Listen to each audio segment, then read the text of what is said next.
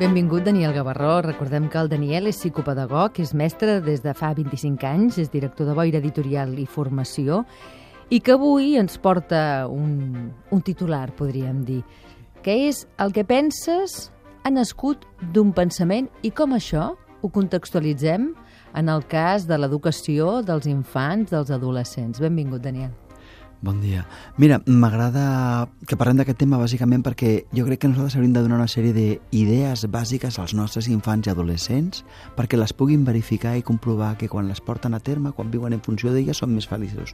I la primera d'elles és aquesta, és entendre que el que jo sento, el que jo estic visquent, ha nascut d'un pensament.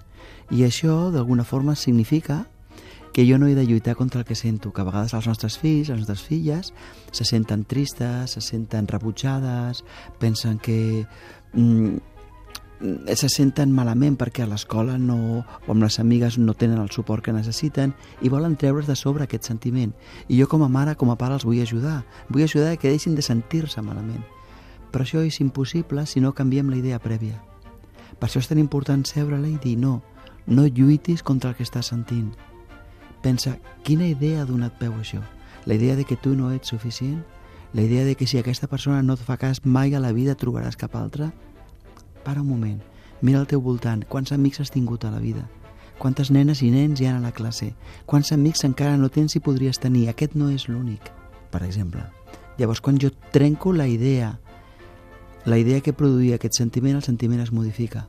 Ho dic perquè si no els pares i les mares mm, i a vegades els mestres també quedem atrapats intentant modificar el plor de l'altre i el plor o la tristesa o la, la sensació de, de solitud o de impotència és inevitable mentre el nen o la nena continua veient-se com s'està veient.